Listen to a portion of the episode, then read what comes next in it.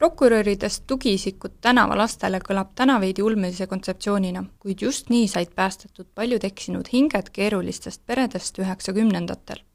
elude päästmisest ja raskete teemadega võitlemisest meie järgmine episood räägibki. siseministeeriumi asekantsler Viola Murd on olnud ametis viis aastat ning toonud pääste ja kriiside lahendamise valdkonda hulganisti uuendusi räägime ajast, kui Eesti tulesurmades hukkumiste arv viis meid Euroopa statistikas etteotsa kuidas need arvud alla toodi ning mis on tänaseks teisiti? kuidas loodi vabatahtlike süsteem ja missuguses seisus olid kodud enne kodukülastusi? mida aga õppis Viola ise kriiside keskel töötades ja kuhu tänaseks on jõutud, seda peatselt kuuledki. meie tänast saadet juhib Siseministeeriumi kommunikatsiooninõunik Kristi Sobak. siseturvalisuse taskuhääling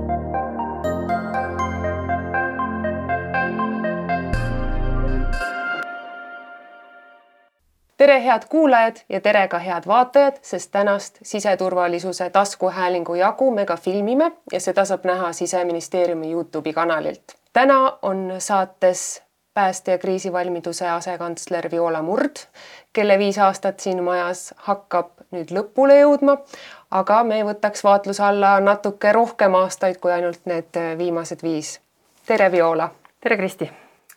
Sind teatakse muidugi kui siseministeeriumi asekantslerit, aga ka väga pikaajalist tegijat Päästeametis, et nii vabatahtlike poole vedaja, ennetus, vahepeal isegi kommunikatsioon, arendus, aga ilmselt paljud kolleegid ja kindlasti mitte laiem avalikkus ei tea, et sinu esimene töökoht oli hoopis psühhiaatria kliiniku lasteosakonna kasvataja. sa olid siis kaheksateist, olid üheksakümnendad, kuidas sa sellisesse kohta sattusid? Ja et ähm, mind on alati tegelikult huvitanud äh, inimene ja, ja, ja tema mured, aga kuidas ma sattusin just äh, psühhiaatriahaiglasse, oli tegelikult see, et ähm, ma kasvasin äh, esimesed eluaastad Pärnus ja hiljem käisin seal siis vanaema juures lastekodu hoovi peal ja minu sõbrad olid kõik lastekodu lapsed. nii et ma teadsin üsna väiksena juba, et ähm, ma tahan töötada laste, lastekodu kasvatajana. ja noh, sellepärast läksin siis õppima pedagoogikat aga noh, muidugi mm, minu ema ja paljud minu tuttavad ütlesid, et noh, sina, et see on väga-väga raske töö ja mõtle ikka hoolega järgi, sest äh, selleks ajaks, kui ma siis äh, juba suureks sain ja, ja tuli eriala valida, siis kõik valisid äh, kas majandust või õigusteadust. et see oli väga ebapopulaarne ala tol ajal, aga, aga kuidagi ma olen selliste aladega tegelenud, kus on nii-öelda gaas peas, peal olnud või millega on vaja siis äh, mida on vaja siis nähtavaks teha, mis on sellised rasked ja keerulised teemad olnud või sellised probleemid? ja toona kaheksateistaastasena olid sinu vastutuse all tegelikult noored vanusest kolm kuni kaheksateist, sama vana kui sa ise, eks? et äh, need vanemad poisid olid kaheksateist ja siis me äh, selle sõbrannaga koos, kellega me seal töötasime, siis me hoidsime seda väga saladuses äh, oma vanust, on ju. et ja püüdsime olla siis sellised äh, noh, näidata ennast siis natuke vanemana, aga see oli tegelikult väga-väga-väga nagu ka raske töö, et meil oli kuuskümmend last ja me olime kahekesi ja tol ajal me julgesime nendega käia väljas jalutamas sealt territooriumilt välja, vahel mõni laps kadus ära, siis tuli teda otsida. et aga noh, kuidagi need reeglid saime toimima, kokkulepped lastega, et noh, kõige esimene asi ongi see, et nendega kokku leppida reeglites ja, ja kuulata ka neid, et see töötas nagu väga hästi, et ma ei tea, kas ma siin kõiki neid reegleid rääkida julgen, sest me teatud asjades tegime ka võib-olla vahel järeleandmisi natuke, aga see kõik oli selle nimel, et äh, lõpuks need reeglid hakkasid laste endi sees äh, toimima, et kui tuli uus laps äh, haiglasse, siis juba vanemad olijad tegid temale need reeglid selgeks, et ainult nii oli võimalik kaheksateist, kahel kaheksateistaastasel tüdrukul kuuekümne lapsega hakkama saada. täiesti uskumatu kuulata, aga noh, need olid ka üheksakümnendad ja sealt edasi ootaski sind sotsiaaltöö ma läksin küll õppima sotsiaaltööd sellepärast, et aidata neid lapsi, aga sotsiaaltööd õppides tekkis tegelikult veel põnevam lugu, noh, need äh, lapsed said muidugi suuremaks ja, ja neil tekkisid ka, tegelikult neil olidki sotsiaalsed probleemid valdavalt, psühhiaatrilisi probleeme nendel lastel oli väga vähe. ja noh, see viiski mind sotsiaaltöö juurde, aga, aga kui lastel on sotsiaalsed probleemid, siis neil tulevad ka nagu korrakaitselised probleemid ja no vahepeal olid need minu hoolealused siis nagu suuremaks kasvanud ja neil olid teised probleemid tekkinud ja mind hakkas see maailm huvitama. ja see oli just see aeg, kui äh, loodi Eestis kriminaalhooldussüsteemi, et Maarjo Mändmaa, tänane Sotsiaalministeeriumi kantsler, oli seal eesotsas meil oli väga kihvt kamp, kes me, kes meid sinna värvati esimesse lendu, me saime tohutult häid äh, koolitusi, no näiteks Henn Mikkin tegi enesekehtestamise koolitust videotreeninguna ja seal oli nagu väga-väga tugev meeskond taga. Ja, ja see oli väga põnev aeg, sest me leiutasime sisuliselt jalgratast, et äh, et räägi ühel..., milline su töö siis välja nägi, et sa tegid tegelikult ju ka kodukülastusi? Ja et, et me leiutasime jalgratast, ma ütleks, et tänane see kriminaalhooldussüsteem päris nagu see ei ole, võib-olla ta käib eluspiraali mööda, aga see, mida meie tahtsime, oli tegelikult see psühhosotsiaalne võrgustik nende noorte ümber, et koondada kokku ja vaadata, kes on need, kes saavad teda aidata. Aga noh, loomulikult selle kõige käigus tuli igasuguseid asju ette, et noh, ma ikka käisime neid poisse taga otsimas, noh, ma ise üksinda nagu tol ajal noor ja hulljulge on ju, mingi kakskümmend viis, kuus on ju Äh, seitse, et, äh, et need majad, kus maha jäetud lagunenud majad, kus elektrit ei olnud, mu abikaasa viis mu nagu kohale, ma teda päris maja juurde ei julgenud lasta, sest kui ta oleks teadnud, kuhu ma lähen, ta poleks mind sinna sisse lubanud. Et, et sealt käisime otsimas siis noh, Kopli liinidelt ja nii edasi, käisime oma hoolealuseid taga otsimas. ja, ja siis üritasime seda võrgustikku nende ümber punuda, et mis siis vähegi võimalik oli ja mõne nendest, mõnega nendest ma suhtlen äh, tänaseni edasi ja selle töö kõrvalt äh, tegelikult tõmmati käima ka selline vabatahtlike võrgustik. No just jah, et see, see kandis mind jälle nagu loogiliselt vabatahtlike juurde, et. aga räägi natuke sellest, et äh, noored, kes siis õppisid ülikoolis õigusteadust, et kuidas, äh, kuidas te neid appi võtsite selle hädas noorte või pahandustes noorte teemaga? no me nägimegi, et me ise noh, sul on ka seal suur hulk neid noh, nii-öelda kliente on ju et, et sa ise ei jõua igaühega noh, käia kaasas, neil on noh, niisugused asjaajamist ja igasugust sellist tegevust, mida nemad noh, lihtsalt ei oska, nad ei ole kunagi noh, näiteks kui sa oled tänaval elanud, siis sa ei ole kunagi käinud sotsiaalhoolekandeasutuses või sa ei oska nagu mingeid toetusi taodelda. et neil oli vaja nagu sellist tuge aga noh, me ise igaühega ei jõudnud käia, siis me mõtlesime välja, et noh, mis oleks siis hea, et et ja olid sellised toredad äh, juuratudengid ja, ja teised tudengid, kes olid valmis siis äh, ka noored prokurörid olid muideks kaasatud, et et kes olid siis valmis seda vabatahtlikuna seda tööd tegema, et see oli nii-öelda nagu noh, nagu vanem õde, vanem vend. Ja, ja sealtkaudu siis jah, mm, sattusin tegelema vabatahtlikega.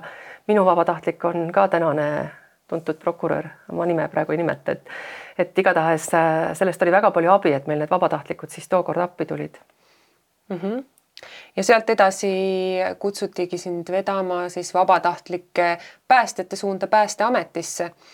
ja enne kui me selle juurde läheme, siis äh, üks, äh, üks sinu tolleaegne kaasvõitleja Päästeametis iseloomustab tollast perioodi seal ka nii see kahe tuhandendate algus, et mingeid süsteeme ei olnud, oli täielik kaos ja et Viola mõtles kõik need uued süsteemid välja ja lõi kaosest korra ja iseloomustab sind kui inimest, kes siis tahab äh, lahendusi luua ja tegutseda, aga ta on sulle väikese tervituse ka saatnud, et me võiks nüüd vaadata seda hmm,. Viola, oota, Viola, Viola, aa, Viola muidugi ma tunnen teda. päästeametis äh, puudasoola koos ära söönud ja, ja väga vahva tegelane. kahju, et ta ära läheb.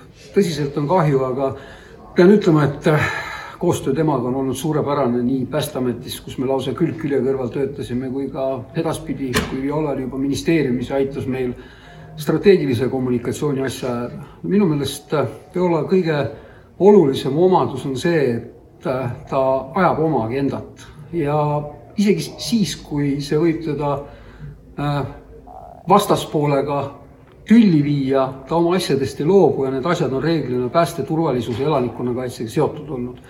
aga no minu kõige lahedam lugu alati, mis mul Violaga seoses meelde tuleb, on see, et kui me kunagi ammu-ammu hakkasime priitahtlike pritsimeeste foorumit korraldama ja läksime esimest foorumit tegema Vändrasse ja lõpuks äh, Vändra toonane komandopealik äh, Toomas Taul, mina ja Viola planeerisime ja planeerimine jõudis sinnamaani, et äh, pealik, kes on suur muusikamees, tõi välja oma elektriklaveri ja planeerisime muusikasaatel seda foorumit poole ööni. Ja sellest tegelikult sai alguse üks väga vahva traditsioon, mis, mis vahelduva eduga võib-olla võib öelda isegi, et kestab siiamaani. Ja, ja ma soovin Violale edaspidiseks kõike paremat ja, ja ma usun, et ta ei kao elanikkonnakaitse, pääste, turvalisuse juurest mitte kuskile, sest temasuguse mõtteviisiga inimesi on meil tõesti väga vaja. aitäh sulle, Viola, ja ma arvan, et, et kohtume juba uutes väljakutsetes. see oli siis Priit Laos, kes äh, siiamaani Päästeametis tegutseb ja tema tõi oma näite või loo ka siis just vabatahtlike pritsumeestega ja praegu me oleme oma vabatahtlike päästjate üle väga uhked, me ei kujutakski seda süsteemi kuidagi teisiti ette, tänast Päästeametit, aga kirjelda palun, milline seis oli siis, kui sina sinna kahe tuhandendate alguses tööle läksid? oi, see oli väga põnev. Ehm, kõigepealt äh, muidugi mul on sellest ajast nagu tõesti hästi soojad mälestused, sest äh, kõik oli väga uus. Äh, just oli vahetunud juhtkond, noh, Mati Raidma oli saanud peadirektoriks ja esimene lend Äh, päästekolledži lõpetajaid oli siis äh, saanud äh, juhtivatele kohtadele, nii et sellised väga suured isiksused kõik on ju. ja Mati Raidma on ise selle olukorra kohta öelnud, et noh, kui te vahest siin aru ei saa, mida me siin tegemas oleme, et siis on nagu džässorkester, et kõik improviseerivad, on ju, aga et kuidagi tal õnnestus ikkagi kõiki neid suuri soliste panna nagu ühise meeskonnana tegutsema ja see oli nagu väga põnev aeg, sest tõesti mingeid reegleid ei olnud aga mis mulle meeldis, oli see, et usaldati ja kõik oli võimalik, nii et et ükskõik, mis ideega sa nagu lagedale tulid, siis keegi kunagi ei öelnud sulle, et noh, et see on rumal idee või seda ei ole mõtet teha, vaid öeldi, anna minna, anna minna, tee. et ja noh, minu ideed ka läksid kõik nagu kaubaks. muidugi vabatahtlikega oli selles mõttes keeruline olukord, et just oli esimesed Päästeametis kümme aastat, ütleme, oli läinud tegelikult selle peale, et üles ehitada see reageeriv süsteem sest noh, see, mis varasemalt oli, sealt oli nagu midagi oli kaasa võtta, aga noh, tegelikult tuli üles ehitada kaasaegne reageeriv süsteem, õnnetusi oli väga palju, on ju. ja vabatahtlikud olid sellest maailmast natuke nagu kõrvale jäetud. ja seal oli väga palju tegelikult sellist solvumist ja kibestumist ja noh, nii edasi, on ju. nii et mingi vabatahtlike süsteem ikkagi oli olnud ja no oli see nõukogudeaegne, et kas ta nüüd päriselt vabatahtlik süsteem oli, on ju. aga noh, nii teda nimetati ja noh, nende hulgas oli väga palju selliseid inimesi kellest ma siiamaani väga lugu pean, et äh, no nimetan Tuve Kärner, üks, üks inimene, kellest ma isiklikult nagu väga-väga lugu pean. Väino Virks äh,, äh, Valdu Välimäe, no neid on veel mitmeid, et, et kes on tõepoolest sellised mehed, äh, kes on nagu maasool. aga noh, tookord äh, ei tundnud ma esialgu ühtegi vabatahtlikku päästjat. et mis ma siis tegin, oli see, et olid mõned postiaadressid ja ma saatsin posti teel kirjad välja, kaheksakümmend kirja mäletan, saatsin välja oma telefoninumbriga ja jäin ootama, et millal nad mulle helistavad siis. algul oli vaikus. ja siis hakkas vaikselt tilkuma, et siis helistasid mulle niimoodi, et oi, ära jõudsime oodata, millal meid Eesti riigil jälle vaja läheb. ja noh, sealt saigi seesama see Priitahtlike pritsimeeste foorum alguse, et meil oli vaja välja mõelda midagi, et kuidas need nüüd kaks maailma nagu kokku viia ja noh, kõigepealt oli see tehnika, et tehnika, mis ühendab kõiki, on niisugune neutraalne teema, siis selle tõttu tegime siis selle priitahtlike pritsimeeste foorumi ja seal vana ja uue tehnika rongkäigu. et seda aitasid needsamad äh, tublid vabatahtlikud mul läbi viia, nende hulgas oli siis veel Heiki Perli, kes on tänaseks äh, lahkunud meie hulgast. et tema oli üks, üks selline väga-väga kõva vana, kes nagu tehnikast kõike teadis ja see oli väga kihvt traditsioon, et Priit kirjeldas siin praegu seda esimest priitahtlike pritsimeeste foorumit, aga aga sellest saigi alguse see, et me koondasime kõik äh, vabatahtlikud ühe mütsi alla, kutsusime Vaata maailma, kes tegi neile meiliaadressid, saime hakata tihedamini suhtlema ja, ja sealt hakkas see kuidagi kasvama, et esimesed foorumid läks äh, väga palju ka tegelikult sellise auru väljalaskmisele, et et need maailmad ikka vastandusid alguses väga tugevalt, aga tänaseks äh, toimib äh, süsteem väga hästi ja ja nagu ka Rait Killandi ütles, et äh, Päästeliitu ei oleks loodud, kui ta ei oleks näinud seda hulka vabatahtlikke, et, et kui sa seal üksinda tegutsed vabatahtlikuna, siis sa ei tea, kui palju neid üle Eesti on, et, et. kui palju sinna esimesele foorumile neid kokku jõudis umbes? kokku jõudis umbes noh, umbes mingisugune kaheksakümmend jõudiski aga, aga nad ei jõudnud kõik sinna saali, kus meil oli seminari osa, nii et seminaril meil oli tegelikult äh, nii-öelda rääkijaid rohkem kui osalejaid. ja, ja kui ma seal niimoodi nagu muret tundsin, et äh, nagu meie üritus justkui oleks nagu läbi kukkunud, mõned üksikud ainult, siis Mati Raidma lohutas mind sellega, ütles, et tead, Viola, ole täitsa rahulik, et äh, Eesti Vabariigis on enamus suuri asju alguse saanud väikestest pimedatest külakoolimajadest ja üksikutest fanaatikutest. Järgmistel aastatel juba julgeti saali ka tulla rohkem. ja, ja järjest enam, juba kolmandal korral oli saal puupüsti täis ja Äh, ideid ja emotsioone ja kõike oli seal nii, et lõika noaga mm. -hmm. ja sealt, äh, kui sa nüüd need vabatahtlikud kokku said, et siis sealt edasi paluti sul ennetus ette võtta, et me olime rahvusvaheliselt tipus, aga väga tumeda statistikaga toona. esikoht tulesurmades jagasime Läti ja Venemaaga. Ja sina olid toona oma esimese lapsega kodus, aga Mati Raidma, kellest on juba juttu olnud, ütles, et Viola, sind on vaja. Ja miks sa nõus olid? tegelikult see võib-olla hakkas peale natuke varem, et kui me vabatahtlikele otsisime sellist nišši, et mis oleks see valdkond, millega on vaja tegeleda, noh, siis ennetus oligi see nišš nagu, millega justkui nagu keegi ei tegelenud, tegime neid, jagasime raha projektikonkurssideks ja ja sealt hakkas see nagu kerima ja vabatahtlikud said tegelikult selle ennetustööga suurepäraselt hakkama, aga noh, seda, see oli nagu killustatud, sellised väiksed üksikud äh, tegevused. ja kui ma vaatasin, siis võrdlesin statistikat ja sain aru, et Eestis on olukord ikkagi hull. ja, ja käisin sellest nagu rääkimas, käisin ka ministeeriumis rääkimas ja esialgu ei võetud kuulda, et noh, see ennetustöö, see on mingi lastega joonistamine, noh, tol ajal on ju et noh, meil on ikka vaja siin musklis mehed reageerivad, on ju, et ära tule oma nagu selle teemaga siis järjest enam, mida enam me nagu hakkasime tegevustega peale, seda järjest enam seda nagu vajadust mõisteti ja kuidagi langesid kokku need asjad, et et selleks hetkeks, kui vabatahtlikud olid tõestanud, et ennetustöö on vajalik, noh, võib-olla ka varem äh, oli probleem selles, et äh, et selle asja kohta nimet-, see, selle asja nimetus oli propaganda agitatsioonitöö, mis nagu sellesse uude Eesti Vabariiki ei sobinud. selle tõttu visati see nagu mõneks ajaks nagu prügikasti, aga nagu ikka iga asjaga, et siis me korjasime selle sealt üles ja esialgu me otsisime ka nime, ega sellist nime nagu ennetustöö ei olnud olemas, et äh, siis mõeldi, et mis, mis, mis asi see on, et äh, preventsioon oli selline peen nimi on ju. tänaseks me oleme kõik harjunud ja, ja see on kõik rahas mõõdetav. ja täna tagantjärgi nagu tundub see kõik lihtne, aga tegelikult sel hetkel oli see nagu väga segane maailm.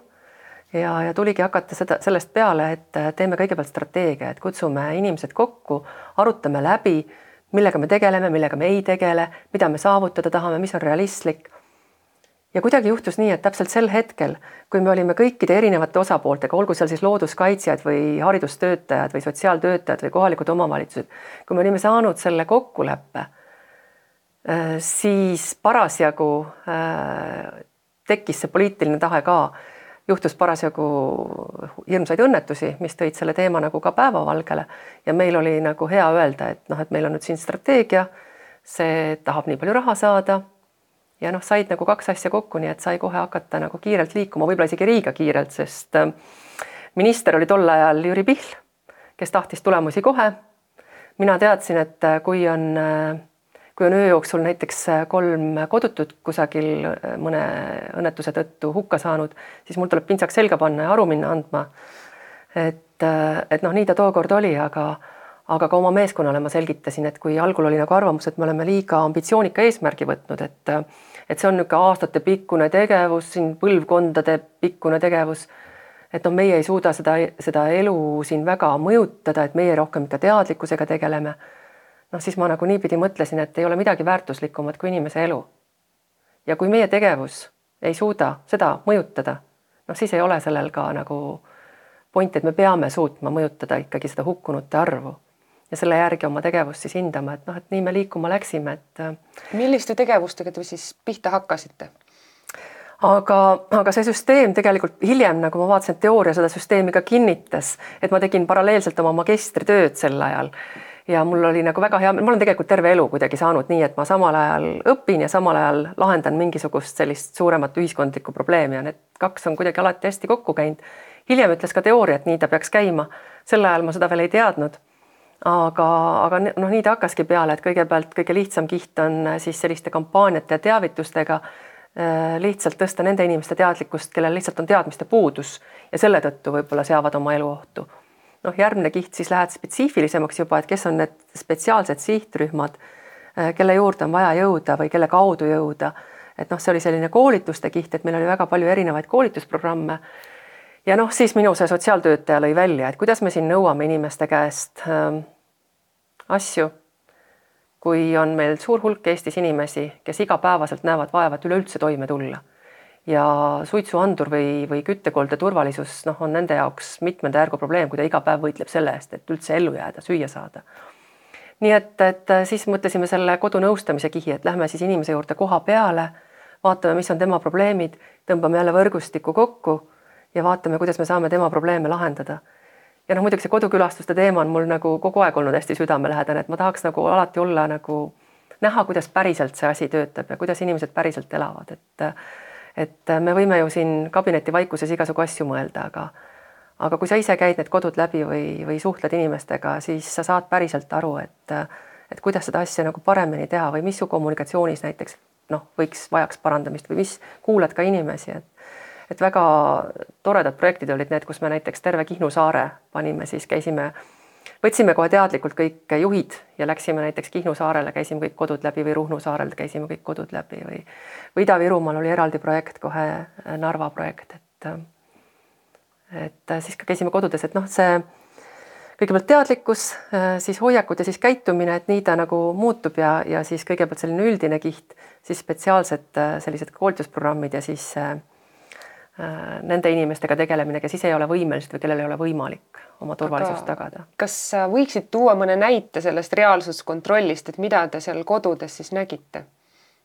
no näiteks mulle kohe meenub äh, Kihnu saarelt üks üksik äh, härra, kes siis, kellel oli siis selline raudvoodi, voodi ees televiisor, ümber voodi oli siis selliseid põrandal selliseid põlenud äh, äh, nagu koni jälgi näha.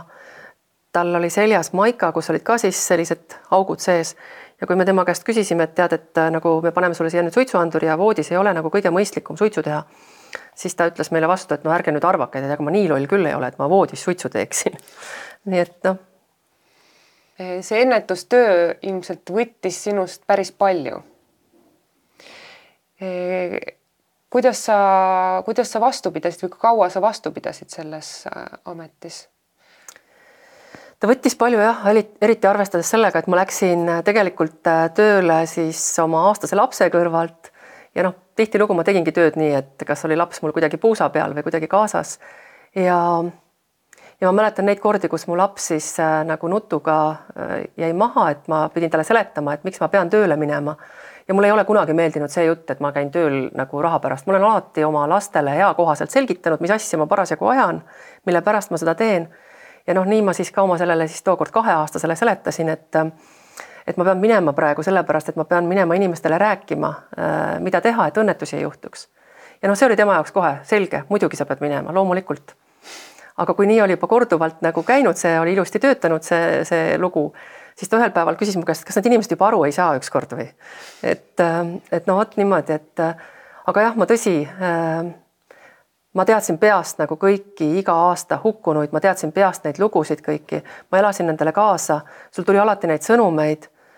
kui mõnel päeval oli kolm hukkunut, noh, tol ajal oli veel isegi nagu neid lastelugusid meil, päris traagilisi lugusid eakatega, puudega inimestega et see võttis läbi, sa tegelikult elasid kõikidele lugudele kaasa ja noh, ma tean meil kohapeal inimesed, kes ennetustööga tegelesid, need tüdrukud ja poisid samamoodi elasid kaasa, et et teadsid neid lugusid ja ütlesid, et teadsid juba oma riskirühmasid, et see oli veel kõige kurvem, et nad ütlesid ka, et ei ole mitte küsimus, kas juhtub, vaid millal juhtub.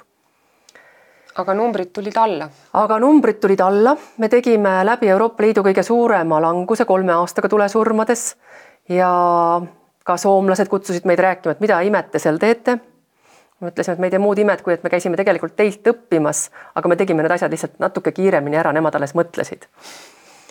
ja, ja see võttis mind ikkagi nii väga läbi, et ma mõtlesin tookord siis, et ähm, et nii kõik, nüüd on nii-öelda need vaod on nagu sisse lükatud, et nüüd on nagu tegijad teevad ja ja mõtlesin eemale tõmbuda korraks jah, et ma ütlen ausalt, ma tegelikult nagu põlesin läbi need teemad, millega sa tööalaselt eh, oled tegelenud, on päris karmid olnud, et eh, raskustes lapsed, hukkunud tulekahjudes, muudes õnnetustes, et sa rääkisid läbipõlemisest, kuidas sa üldse tegeled selle poolega, et ennast maandada, et mitte sattuda sinna olukorda, kus endal on juba liiga katki olla?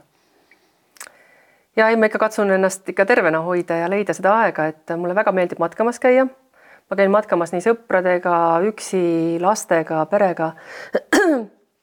ja, ja teine asi, mida mul väga meeldib teha, on maalimine ja ma olen mõelnud, et miks need kaks asja mulle nii väga nagu kuidagi nagu sellist ähm, pinget pakuvad, et miks, miks mul meeldib, et et tegelikult ma olen ise oma loomult selline suhteliselt kärsitu inimene äh,. siis need on kaks sellist asja, et noh, maalimiseks sa pead võtma aega ja sa pead keskenduma ja sa ei saa samal ajal nagu tegeleda muu seitsme asjaga, et kui tööalaselt sa pead tegelikult tegelema seitsme asjaga korraga.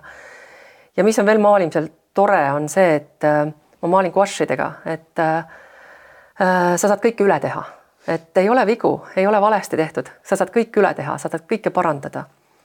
ja matkamise puhul mulle muidugi meeldib see, et et kui me siin igapäevaselt oma tööd tehes, sa tunned seda vastutust ja tahad neid eesmärke nagu hästi kiiresti saavutada ja muidugi ühiskonna ootused on ka sellised, et noh, miks juba eile midagi tehtud ei olnud, siis matkates sa saad aru, et kui sa alustad ja sul on seal see sihtpunkt, siis noh, ükskõik kui kiiresti sa kõnnid, ega sa väga palju kiiremini sinna ikka ei jõua, on ju, et see võtab oma aja.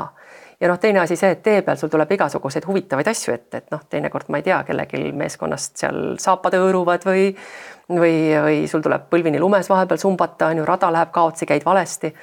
et äh, see kõik võtab oma aja ja sa pead nende takistustega arvestama. et, äh, et sellepärast mulle võib-olla need matkamine, maalimine väga nagu meeldivad.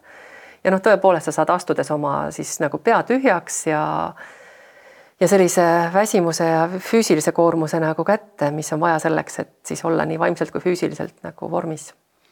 mida sa maalid? mida sa kujutad seal? Ja nagu ma ütlesin, ma olen hästi kärsitu inimene, siis ma alguses maalisin sellist emotsiooni, et tõmbasin kohe laia pintsliga kogu aeg, onju.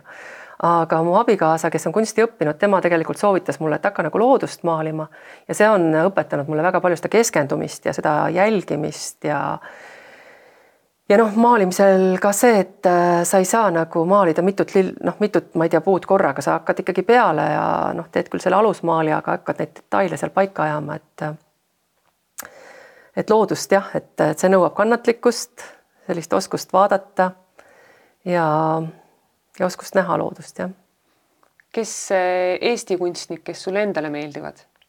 ma tegelikult väga armastan naiviste Viljandis on äh, ka Kondase keskus on ju, aga üks mu suuri lemmikuid on Lembit Sarapuu, et tema teeb alati sul tuju heaks, et vaadake ta maale, lihtsalt ajab naerma, et et tal on kõik toredad, ta on ka näiteks päästeteemadel on tal paar toredat, toredat põlevat maja et et jah, tema teeb alati tuju heaks. päästeametisse sind seekord kutsuti tagasi arendusosakonda juhtima tegelikult äh, tookord kutsuti kommunikatsiooniosakonda juhtima. kommunikatsiooniosakonda mm. -hmm. ja, ja sind ootas siis ees äh, kaks aastat, et äh, mis ilmselt ei kujunenud kõige kergemaks, et mõned märksõnad, kui sa tooksid välja? Ja et ähm, juhtus kuidagi nii jah, et, et suur hulk kriise kukkus nendele kahele aastale. aga selle kogemuse eest ma olen ülitänulik, et ma ütlen päriselt nagu äh, siseturvalisuse asutustes, päästes, politseis, äh, nendes valdkondades sa saad äh, kommunikatsiooni valdkonnas, ma ütlen kahe aastaga, ma ei tea, viie-kümne aasta kogemuse. et noh, see töö seal kommunikatsioonis on ikka intensiivne, ma usun, et siseministeeriumis sama. Aga kõik need sündmused, et jah, sel hetkel nende kahe aasta sisse mahtus siis äh, kõigepealt hakkas peale lennuk Ülemiste järvel Äh, siis oli, no ma ei tea nüüd järjekorda kronoloogias enam täpselt, aga, aga Padaoru lumetorm, äh, Haapsalu lastekodu põleng, äh, noh, oli seal torme veel, selliseid hullemaid, tuleb see augustitorm meelde. ja siis jah, kõige traagilisem oligi Haapsalu lastekodu põleng. Just kümme last sai seal hukka mm. -hmm aga noh, lisaks see situatsioon oli veel keeruline, sest meil samal ajal toimusid tohutud ümberkorraldused. Äh, nelja erinevat päästekeskust ühendati üheks päästeametiks ja samal ajal me veel siis äh, tegime päästekomandode reformi, et tuli sulgeda kaksteist päästekomandot mm. -hmm. ja tsentraliseerisite siis Päästeameti alla nüüd mm. -hmm. Ja siis sealt edasi sooviti, et sa hakkaksid arendust juhtima. kuidas see välja nägi? ja tegelikult ma olin seal ennetuses, miks ma läbi põlesin, oligi see, et äh, ma tegelikult ootasin, et on üks selline terviklik suund, kuhu siis see Päästeamet nüüd nagu läheb, on ju et äh, kas pigem järelevalve teed, pigem nõustamise teed, pigem reageerimise teed, et kuidas seda maailma kõike nagu tervikuks ühendada ja noh, tol ajal ma käisin jah, Päästeameti juhtkonnas selle ettepanekuga, et Päästeametil on vaja arendusosakonda.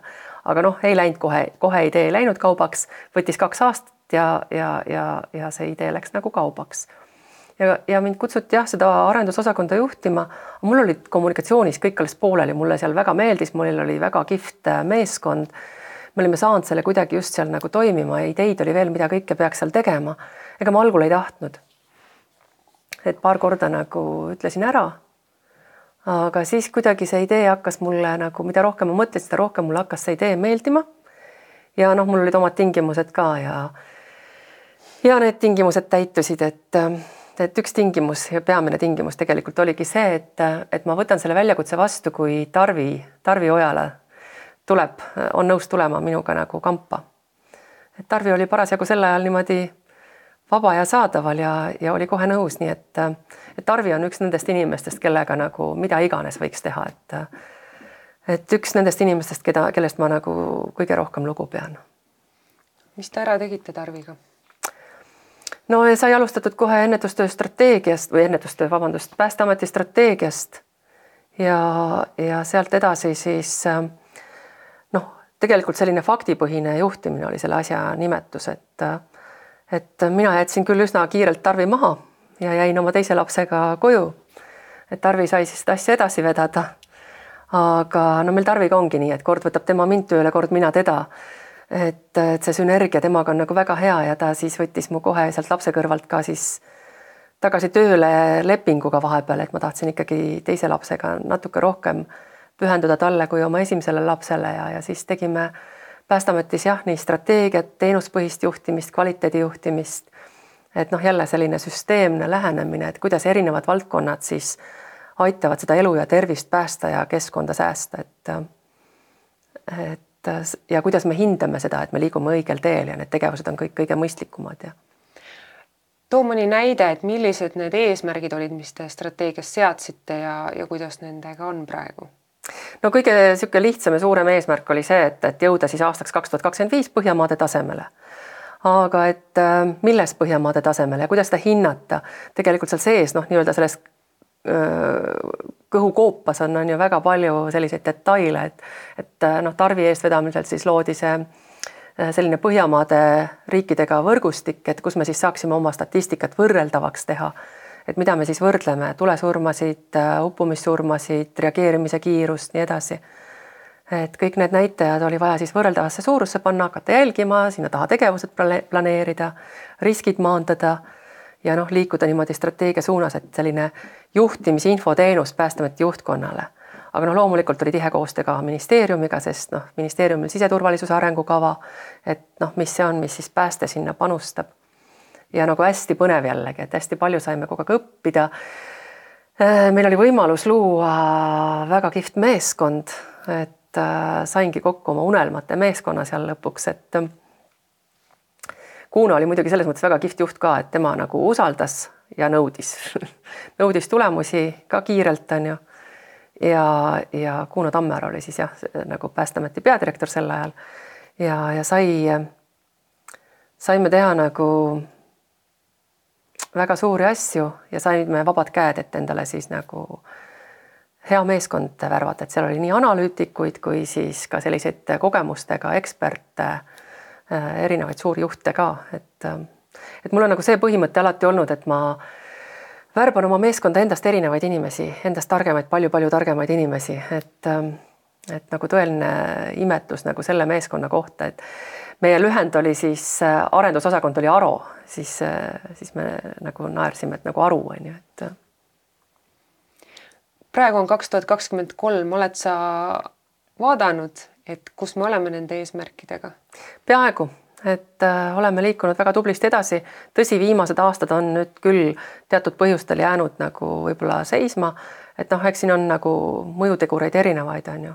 Ja ka noh, võib-olla see, et fookus sõja tõttu on läinud ikkagi kriisikindlusele, elanikkonnakaitsele. ja noh, seda on tulnud teha millegi arvelt, et kõike korraga ka ei saa mm. -hmm. enne kui me läheme edasi ja räägime sinu siseministeeriumisse asumisest, siis on tervitus veel ühelt sinu ütleme endiselt ülemuselt ka. põnev.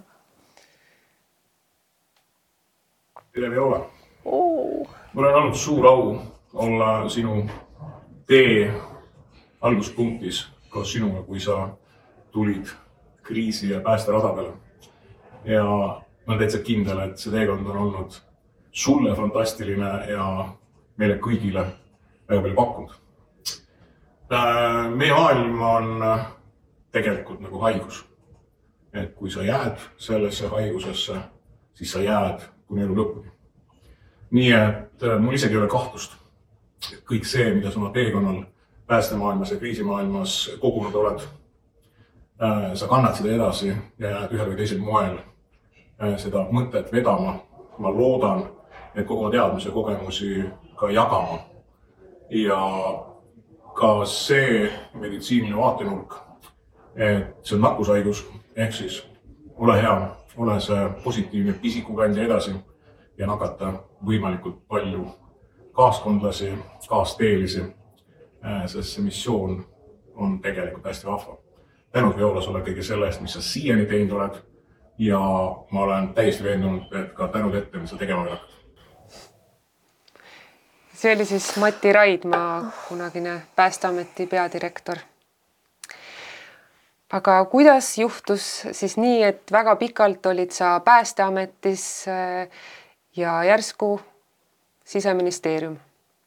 no ega ma Päästeametisse läksin ju ka selle vabatahtlike projekti peale, nii et ma mõtlesin, et noh, kaks aastat ja ma lendan edasi.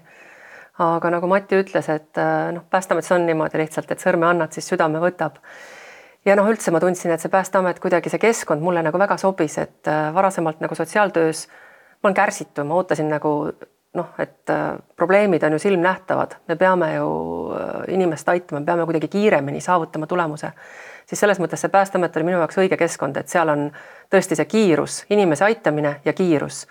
sest homme seda abivajajat võib-olla enam ei ole, et sa ei saa endale lubada seda, et noh, vaatame homme edasi. ja see keskkond mulle nagu väga hästi sobis, ma ei tahtnud sealt kuhugi minna, mul ei olnud mingit plaani sealt ära minna, mul oli ideaalne meeskond just kokku saadud. nii et, et täpselt sel päeval, kui ma seda send nuppu oma avalduseks vajutasin, oli mul just nagu tööle tulnud siis viimane inimene, keda ma olin pikalt püüdnud, et ta, et teda ta nagu tööle meelita, meelitada. aga jah, ei, ma ise ei tahtnud kuhugi äh, ministeeriumisse tulla ja noh, asutuse poolt vaadates ei ole, ei olnud nagu ministeerium see kõige toredam koht ka, kuhu, kuhu nagu tööle tulla sel hetkel. et ähm, ma loodan, et see on muutunud või, või muutub. aga, aga jah, ei, et äh, lihtsalt juhtus nii, et äh, mõni inimene väga palus, et äh, et mine vähemalt proovi, et meil on vaja sinna oma inimest äh, päästevaldkonnast ja teistpidi ma olen hästi tänulik tegelikult endisele kantslerile Laurile selle usalduse eest, et Lauri kutsus mind kandideerima ja ja ma ei olnud isegi mõelnud selle peale, ta ütles, et lihtsalt proovi ja sa ei kohusta sind millekski ja ja et tule tee see protsess läbi. ja siin sa nüüd oled. ja siin ma nüüd olen. ja sa alustasid kahe tuhande üheksateistkümnenda aasta alguses. jah ja toona oli ametinimetus sul pääste, kriisireguleerimise ja rahvastikutoimingute asekantsler. Ja tänaseks on sellest saanud pääste ja kriisivalmiduse asekantsler, mis vahepeal juhtus? oi, mu ametinimetus on vist tegelikult see on vist neljas kord, kui mu ametinimetus on muutunud, nii et iga kord, kui visiitkaardid valmis saavad, mu ametinimetus jõuab muutuda aga see ei ole mind seganud, aga, aga tõepoolest see rahvastikutoimingud tuli mulle nagu boonusena nagu üllatusena kaasa, et see oli, et ja see pole veel kõik. et, et lõpuks jah, kui see konkurss nagu läbi oli ja ma ametisse nagu olin oma jah-sõna öelnud, siis Lauri üllatas mind ka sellega, et ja et, et sul on veel üks üllatusmuna siin korvis, et rahvastikutoimingud. see oli valdkond, millest ma tõesti nagu mitte midagi rohkem ei teadnud kui sedasama sloganit, et rahvastikuregister on Eesti e-riigi süda ja süda peab lööma ja, ja noh, see oli väga põnev nagu kõik see Enel Pungase maailm ja, ja seda tundma õppida, ma arvan, et ma alguses olin seal ikka väga juhmi näoga, sest noh, see kõik, millest nemad rääkisid, noh, sellest ma ei saanud nagu eriti midagi aru, aga aga noogutasin kaasa ja, ja mõne aja pärast juba sain aru, et noh, näiteks kui tuli nimeseadus, siis, siis seal mul juba olid omad ootused mm. -hmm. aga siis vist oli nii, et ka ministrid said aru, et asekantslerid nad jagada ei saa eh, selliste väga erinevate teemade peale? No see juhtus jah sellega, et, et meile tuli majja kaks ministrit, et tuli siis rahvastikuminister ka ja alguses mul oligi siis nagu nii siseminister kui rahvastikuminister. Ja kuna rahvastikuminister võttis meil siia majja ka siis äh, perepoliitika, siis äh, alguses nagu mingid paar kuud oligi sellist aega, kus ma siis ühe käega nagu justkui pidid tegelema siis selle perepoliitikaga ja teise käega siis nii-öelda riigikaitsega on ju. et äh, kuidagi tundus nagu, et lähevad nagu liiga nagu vastuollu need teemad. ja noh, jah, siis rahvastikuminister soovis endale oma asekantslerit ja noh, siis läks nagu asi jälle õigetesse rööbastesse aga muidugi sellest mul oli kahju, et rahvastikutoimingud on üks väga põnev valdkond tegelikult, et mm. -hmm. Ja kui need viis aastat sul ministrites kokku võtta, siis see on ka päris muljetavaldav loetelu. kui sa alustasid, oli Katri Raik minister. kui mind päris... tegelikult, kui mul Anvelt. vestlus oli, siis oli veel Andres Anvelt, nii et vestlus oli mul veel Andres Anvelt, Andres Anveltiga ja siis pärast seda oli Katri Raik siis olid Mart Helme ja Riina Solman korraga. E, siis vahepeal kaks kuud Alar Laneman, e, Kristjan Jaani ja nüüd siis Lauri Läänemets. Aga tööle võttis sind ka toonane kantsler Lauri Lugna ja tema äh, kirjutas mulle sinu kohta nii, et üks ütlus, mis kostus Viola suust peaaegu igal koosolekul, mis läheb sellest paremaks inimesel. inimene on alati Viola mõtlemise keskmes ja teine, mis Violaga seondub, oli võrgustiku ehitamine. Viola mõistis, et üksinda nii ametniku kui ka asutusena ei tee ühiskonnas midagi. ja selleks, et hoida seda, mis vajab hoidmist või muuta, mis vajab arendamist, on alati vaja juurde partnereid ja liitlasi. ja Lauri tunnustab, et sa oskad äh, hästi suhteid luua ja oskad neid ka hoida. aitäh Laurile mis on äh, sinu jaoks nende viie siseministeeriumi aasta märgilisemad saavutused? mis on ära tehtud? ja et ähm, kui ma selle riigikaitsemaailmaga siis niimoodi lähemalt tuttavaks sain ja aru sain tegelikult, ähm, mis probleemid on, noh, siis üks selliseid esimesi suuri asju on meie valitsemisalas on see, et kus me kriiside korral saame jõudu juurde kiiresti, palju ja need inimesed peavad olema välja õppinud, varustatud ja valmis ka igal ajahetkel reageerima. Et see kuri, kurikuulus sisekaitsereserv või kriisireserv või kriisirolliga abipolitseinikud, ükskõik mis nime me sellele lapsele anname, siis see oli üks pikk ja keeruline protsess, vahepeal vahetusid seal võimud ja nägemused muutusid ja noh, nii edasi. aga tänaseks on see õigusruum tehtud ja, ja ka rahastus tegelikult äh, märkimisväärne sinna saadud. et äh, meil oleksid need kriisirolliga abipolitseinikud, kes siis on äh, sellises olukorras valmis kiirelt reageerima ja kes on siis äh, vabastatud mobilisatsioonist ja kelle tööandja siis on kohustatud neid ka ära lubama, et selline vabatahtlikult võetud kohustus, et, et see on üks pool.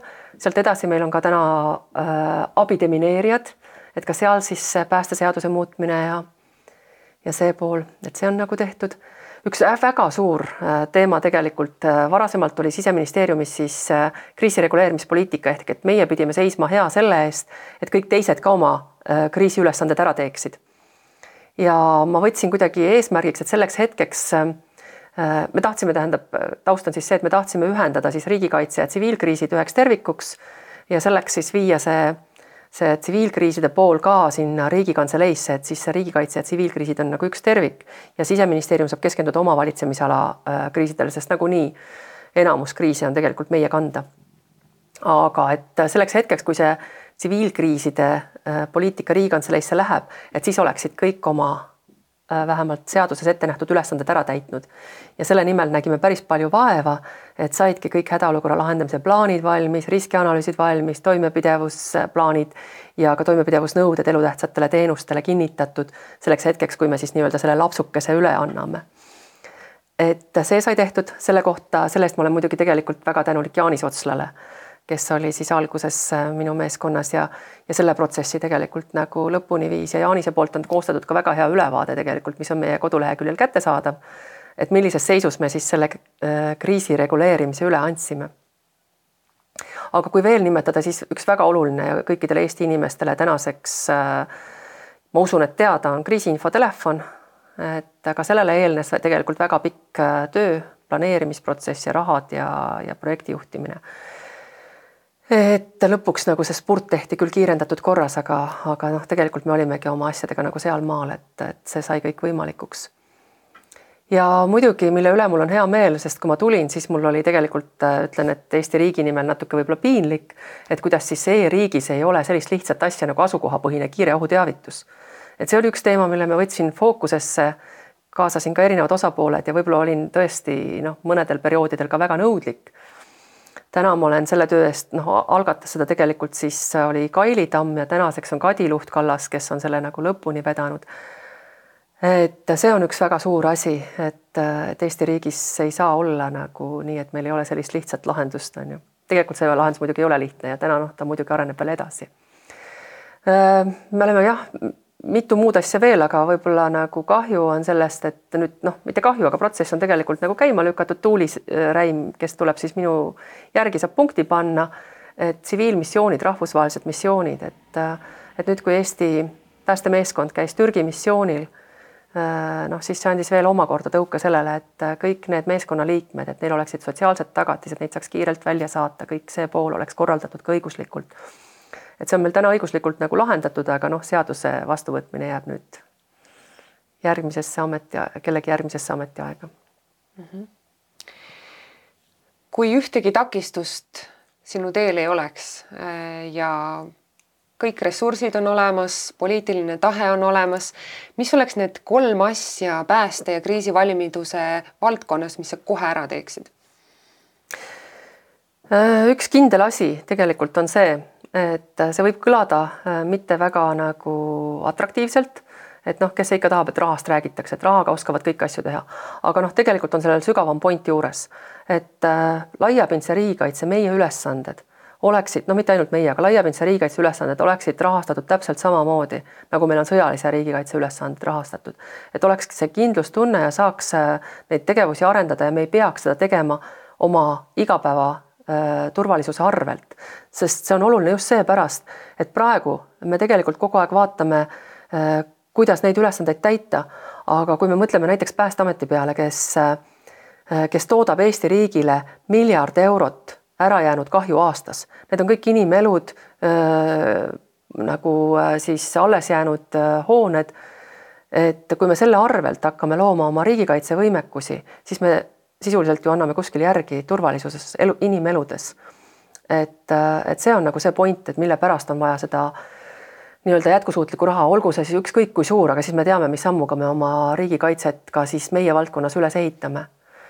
teine pool on noh, kindlasti see spetsiifilisem elanikkonnakaitse, sest elanikkonnakaitse on natuke laiem kui ainult see riigikaitse ja tõepoolest, et, et meie elanikud oleksid siis kriisides saaksid iseseisvalt võimalikult hästi hakkama, meil oleks võimalikult vähe abivajajaid ja võimalikult tugevad kogukonnad, kes äh, pikad kriisid ka äh, küll riigi toel, aga see tugi peab olema enne osutatud, et meil oleks hea ohuteavitus, et meil oleks hea riskiteadlikkus, aga kogukonnad saaksid võimalikult hästi erinevates olukordades ise hakkama, et see on nagu teine point. et kui veel oleks aega ja võib-olla üks kolmas teema, mis on mul tegelikult hästi südamelähedane ja mis võib-olla otseselt ei ole pääste- ja kriisivalmiduse teema, aga mis tegelikult meid kõiki mõjutab iga päev. et äh, see on teema, millest on viimasel ajal väga palju räägitud. on äh, tegelikult meie tervis ja meie vaimne tervis. eriti meie vaimne tervis. ja meie valdkonda see mõjutab nii, et väga palju õnnetusi juhtub tegelikult selle tõttu, et milline on see vaimne tervis see on üks selline nähtamatu lumepall, et äh, mida me tegelikult seda probleemi me otseselt ei näe, kui sul on jalg katki, sa käid gipsis, hüppad ringi ja kõik näevad seda, on ju. aga see mõjutab meid ja noh, tegelikult suuremas pildis, et me võime seda rauda ja tehnikat osta nii palju kui tahes. kui meil ei ole neid terveid ja tugevaid ja enesekindlaid ja tublisid äh, inimesi, siis me ei tee mitte midagi. ja me oleme riigi ja rahvana täpselt nii tugevad kui terve ja tugev on meie rahvas. väga nõus sinuga. veel üks endine kolleeg ütleb, on sellise tähelepaneku teinud, et kui vaadata selliseid fotojäädvustusi sinust tööalaselt, et siis pole üldse tavapäratu, et kõik teised on mehed ja siis on seal kuskil punase pintsakuga Viola. Ja sinu karjäär on olnud üsna muljetavaldav, võib öelda, et oled omajagu klaaslagesid murdnud. kas sa ise oled endast kunagi mõelnud kui naisjuhist või on see üldse teema sinu jaoks olnud? ma pean ütlema, et äh, ma võib-olla isegi vahest ei märka, kes on mees ja kes on naine, et et ma ei ole pidanud selle pärast kunagi ähm, kuidagi millestki ilma jääma või midagi ekstra tegema või kannatama, mitte kunagi. Aga, ja kui keegi seda vahel ka teemaks toob, siis reeglina teeb see mulle nalja, et tavaliselt ma ütlen, et lähme nüüd materjaliga edasi, on ju. aga ma pean ütlema, et mul on ka hea ettevalmistus olnud, et ma olen pärit väiksest maakoolist, äh, kus meil olid kõik poisid ja kaks tüdrukut. ja noh, tihtilugu sellised matkad ja muud mingid mängud ja, ja, ja pikk koolitee oli ka kaks kilomeetrit metsa vahelt või vahel mööda jõgesid minna. seal juhtus ka igasuguseid asju, on ju.